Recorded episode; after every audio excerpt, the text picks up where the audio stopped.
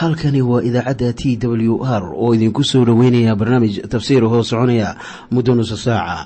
Waxaana barnaamijkan codka waayaha cusub ee waxbaridda ah idiin soo diyaariya masiixiin soomaaliya.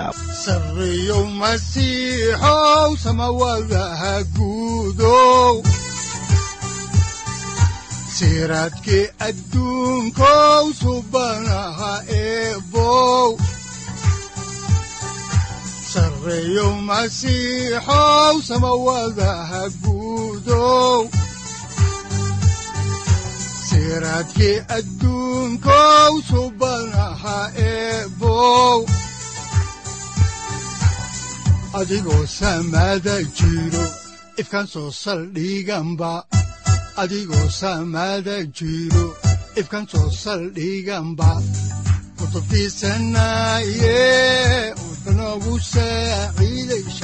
sifahaaga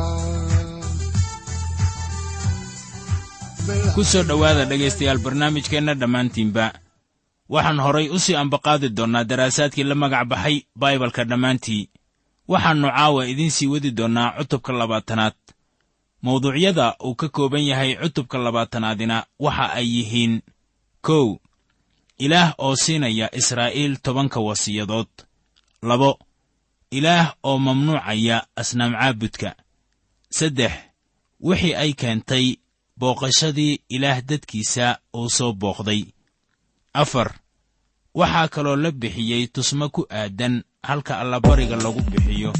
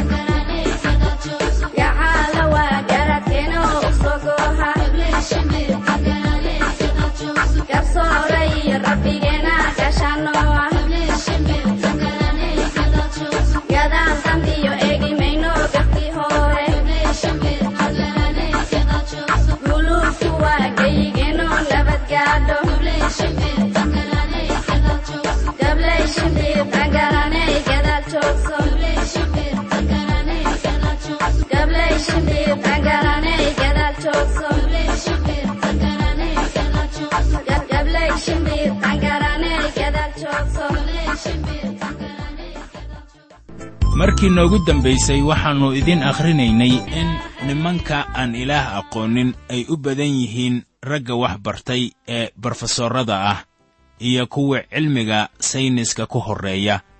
Ha yeeshee daa'uud oo ahaa boqorkii israa'iil ayaa iyaga ku sheegay inay nacasyo yihiin. Markuu lahaa nacasku wuxuu qalbigiisa iska yidhaahdaa ilaah ma jiro iyagu waa qurun oo waxay falaan xumaan karaahiye ah.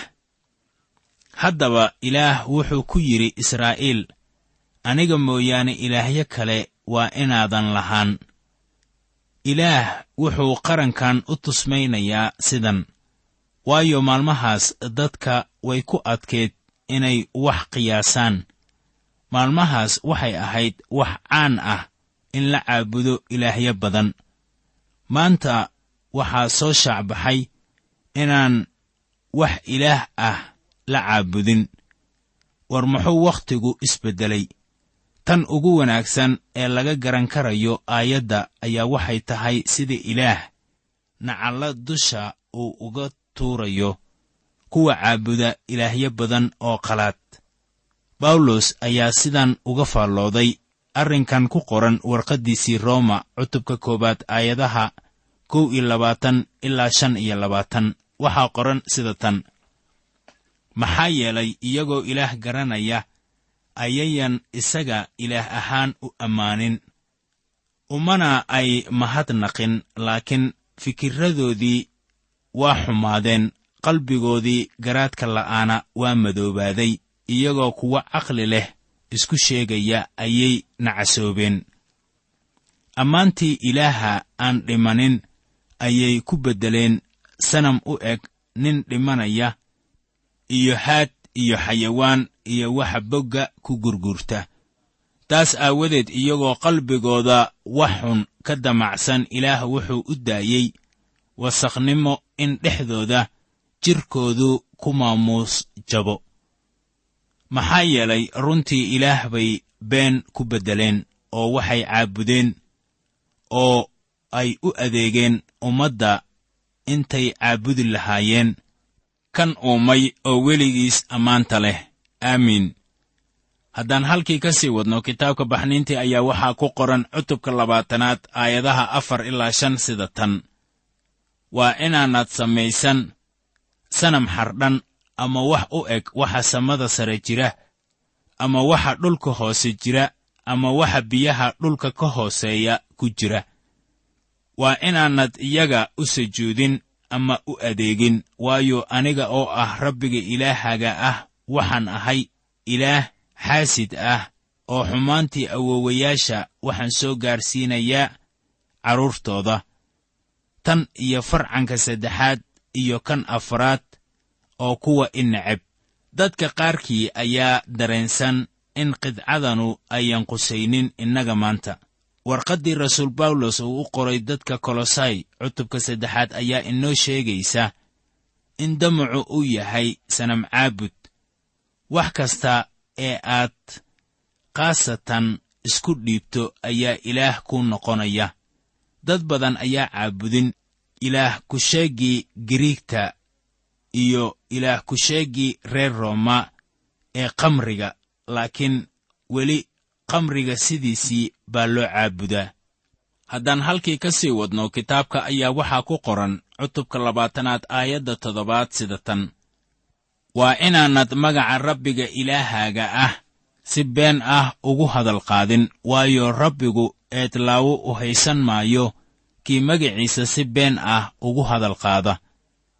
In magaca rabbiga si been ah loo hadal qaado waxay ka dhigan tahay aflagaado waxaana maal maheenna batay in magaca rabbiga si been ah loo hadal qaado laakiin amarrada ilaah weli isma beddelin markaana waa qalad in magaca rabbiga si been ah loo hadal qaado waayo isagu waa ilaah oo waa quduus.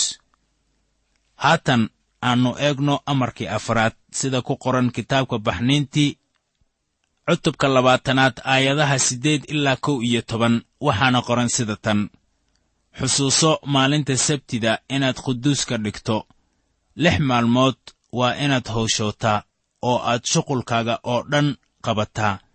Laakiinse maalinta toddobaad waa maalin sabdi u ah rabbiga ilaahaaga ah oo waa inaanad shuqul qaban adiga ama wiilkaaga ama gabadhaada ama addoonkaaga ama addoontaada ama xoolahaaga ama qariibka irdahaaga ku jira waayo rabbigu lix maalmood buu ku sameeyey samada iyo dhulka iyo badda iyo waxa dhexdooda ku jira oo dhan.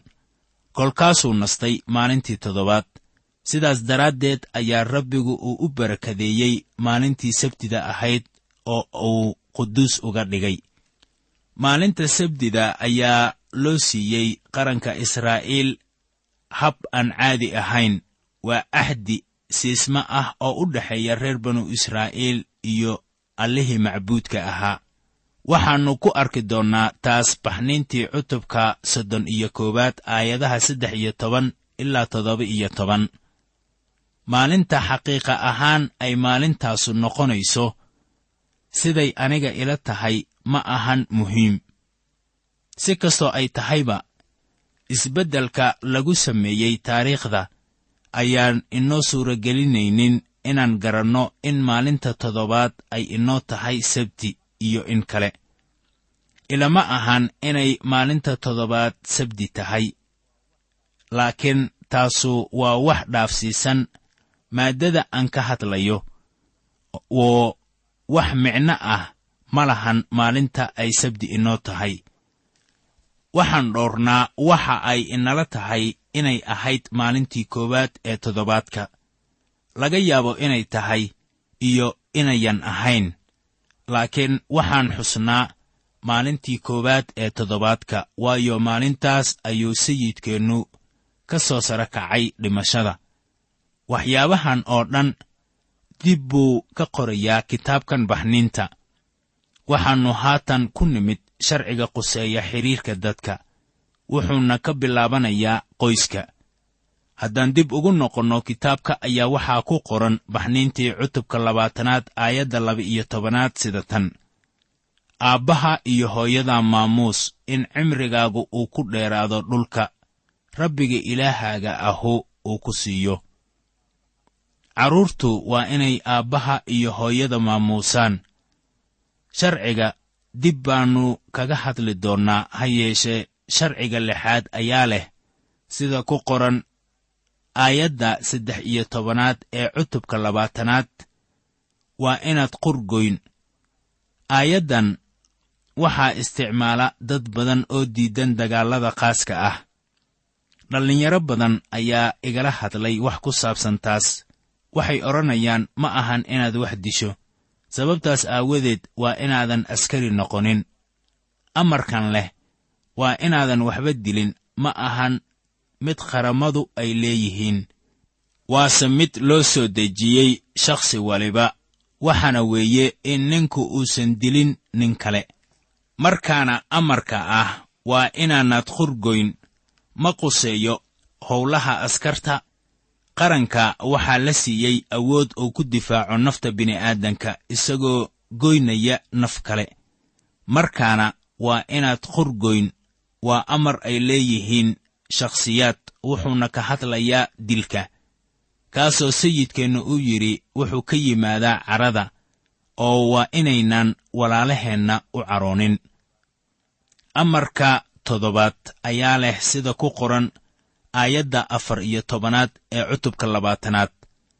Waa inaanad sinaysan waxaannu maanta nool nahay wakhti la casriyeeyey macaasida.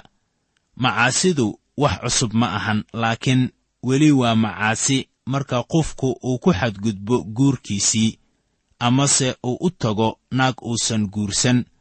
Ilaah tan aad iyo aad buu u caddeeyey. Dadka waxay la noqonaysaa inay beddeleen sharcigan. Laakiin dadku ma ayan beddelin sharcigan. Sharcigan weli waa sidiisii oo sidiisii ayuu u taagan yahay. Haddaba sharciga siddeedaad ayaa leh sida ku qoran baxniintii aayadda shan iyo tobanaad cutubka labaatanaad. Waa inaanad waxba xadin. Fikradda aan halkan ka dhiibanayo waxay tahay haddii aad macsiyaysato waxay noqonaysaa inaad bannaysato xatooyo dil iyo wixii la mid ah. Waxyaabahan oo dhaniba waa isla socdaan. Haddii qof uu sax la noqdo mid ka mid ah waxyaabahaas waxaa la hubaa in umuurahaasu uu la hagaagsanaanayo.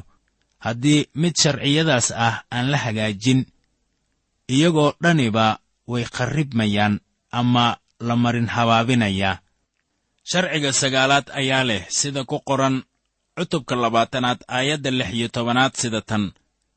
Waa inaanad deriskaaga marag been ah ku furin. Haddaba haddii aad deriskaaga si been ah ugu markhaati furto waa been abuur. Haddaan horay u sii wadno cutubka labaatanaad aayadda toddoba iyo tobanaad ayaa waxa leh.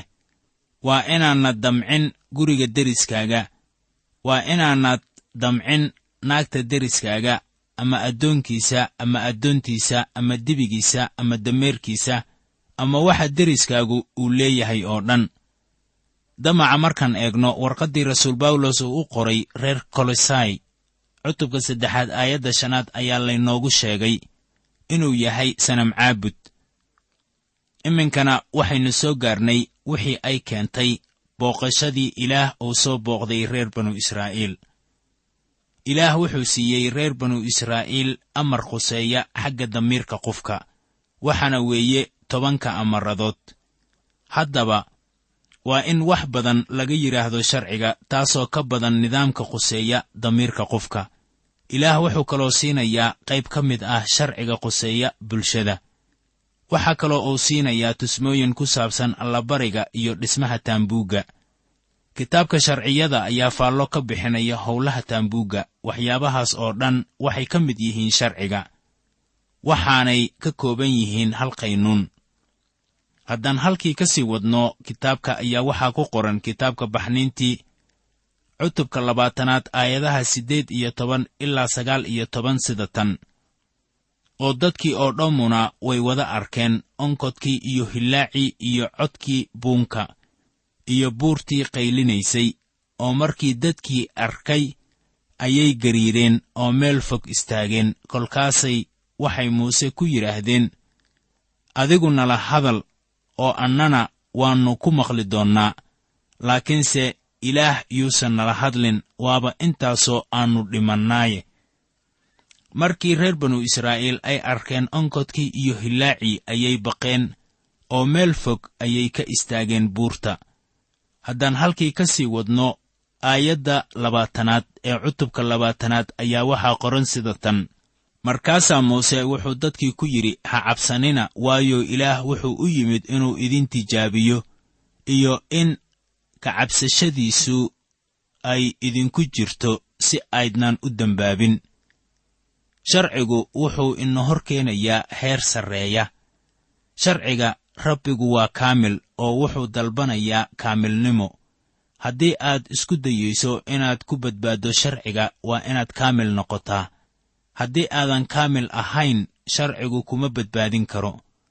Waxaan ilaah ugu mahdinayaa in nimcada hoosteeda uu ka qaadan karayo dembiile aniga oo kale ah oo uuna badbaadinayo nimcadu waxay muujisaa shay wanaagsan iyo layaabka ilaah. Haddaan halkii ka sii wadno xigashada kitaabka baxniintii ayaa waxaa ku qoran aayadaha kow iyo labaatan ilaa saddex iyo labaatan sida tan. Markaasaa dadkii waxay istaageen meel fog muusena wuxuu u soo dhowaaday gudcurkii qarada weynaa oo ilaah uu joogay. Markaasaa rabbigu wuxuu muuse ku yidhi waxaad reer banu israa'iil ku tidhaahdaa idinka qudhiinnu waad aragteen inaan samada idinkala hadlay. Haddaba waa inaydnan yeelan ilaahyo kale aniga mooyaane oo ilaahyo lacag ah iyo ilaahyo dahab ah waa inaydnaan samaysan. Waxay caabudi jireen wixii ilaah abuuray intii ay caabudi lahaayeen abuurahooda ilaah wuxuu dadkan ugu soo dhowaaday si muuqata oo uusan weligii ugu soo dhowaan. Haatanna aynu eegno maaddada ah.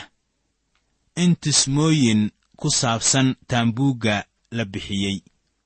Ilaah wuxuu reer banu israa'iil siiyey tusmooyin ku saabsan tobanka amaradood.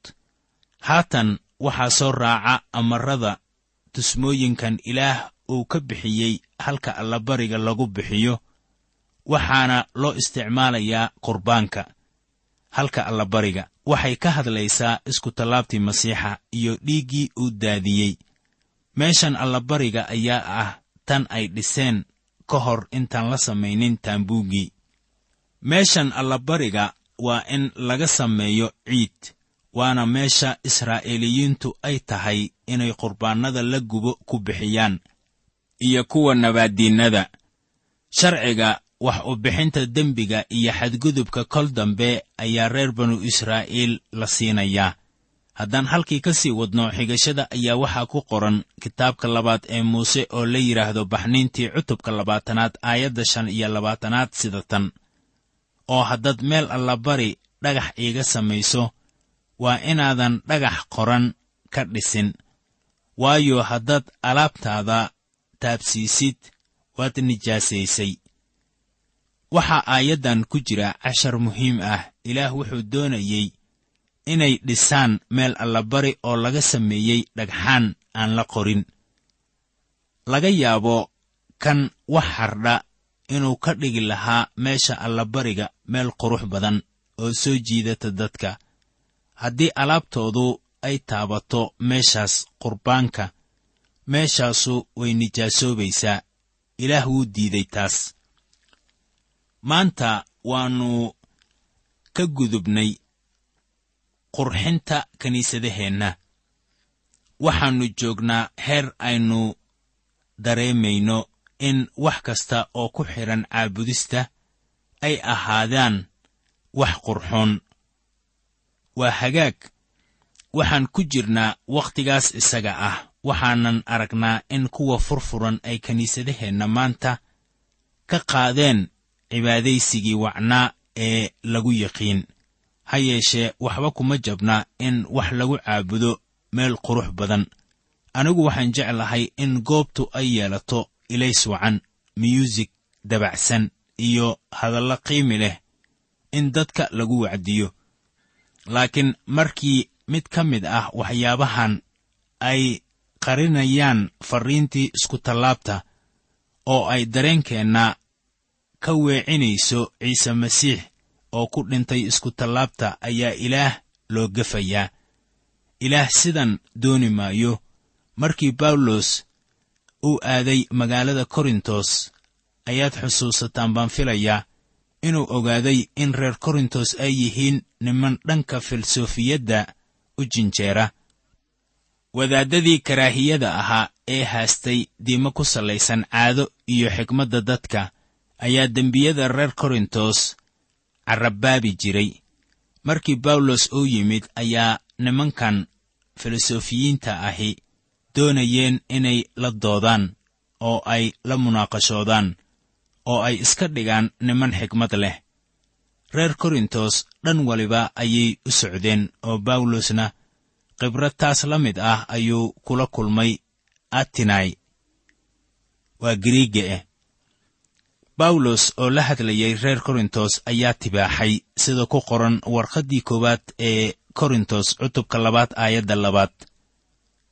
Waxay odhanaysaa sida tan waayo waxaan goostay inaanan waxba dhexdiinna ka ogaan ciise masiix oo ah kan iskutallaabta lagu qadbay maahee saaxiib haddii ciise masiix iskutallaabta lagu qadbay aan farriinta lagu sheegin micno ilama leh sida loo xardhay kiniisadda sida kiniisaddu ay u dhawaaqayso iyo sida goobtu ay tahay.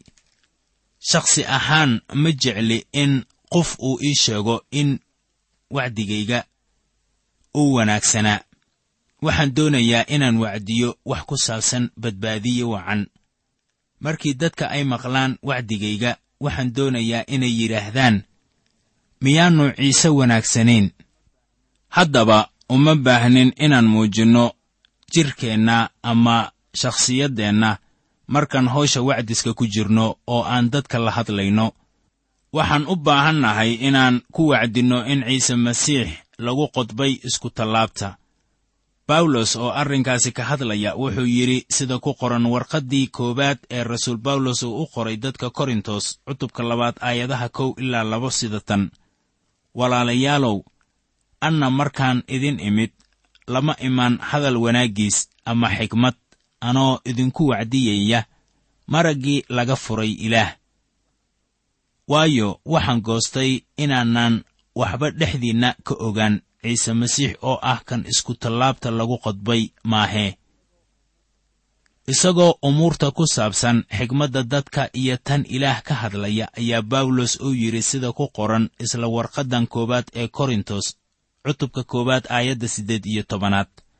Waxaana qoran sida tan waayo hadalka ku saabsan iskutallaabtu waa u nacasnimo kuwa lumaya laakiin waa u xooggi ilaah kuweenna badbaadaya. Haddaan halkaasi ka sii wadno ayaa waxaa ku qoran isla aayadda sagaal iyo tobanaad ee cutubka koowaad sida tan. Maxaa yeelay waxaa qoran xikmadda kuwa xikmadda leh waan baabbi'in doonaa oo garashada kuwa garashada leh ayaan diidi doonaa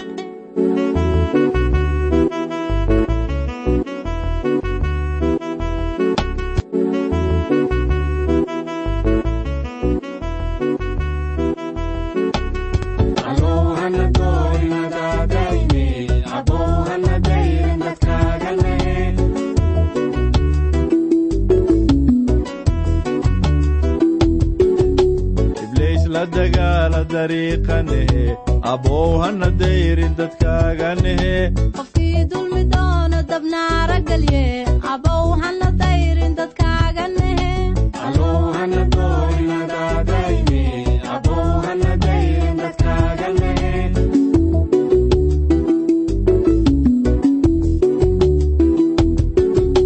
masiixa qubtiida jinnaa la derse abow hana dayrin dadkaaganehe qofkii xaqa diida ibliis dabraye abow hana dayrin dadkaaga nehe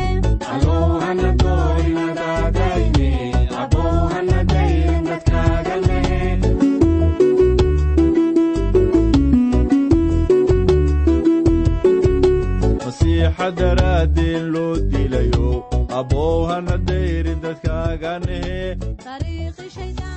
dariiqi shaydaanka ka soo sareeyo masiixow samawadaha guudow siraadkii adduunkow subanaha eebow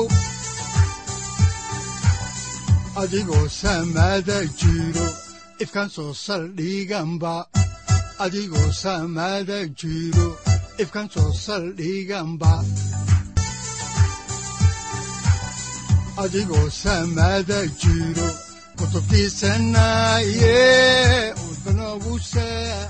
halkani waa t w r idaacadda t w r oo idinku leh ilaa ha idin barakeeyo oo ha idinku anfaco wixii aad caawi ka maqasheen barnaamijka.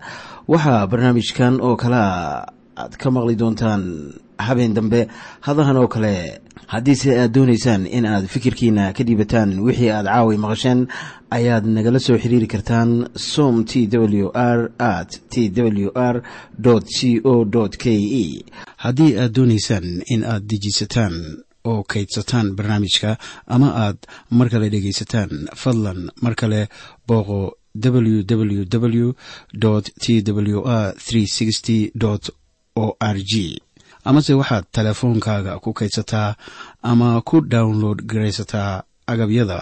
Ku sahli karaa dhegeysiga t w r haddii aad doonayso in laga kaalmeeyo dhinacyada fahamka kitaabka amase aad u baahan tahay duco fadlan fariimahaaga soo mari bogga aaraahda ama kommentska inana jawaab degdeg ah ayaanu ku soo diri doonaa amase ku siin doonaaye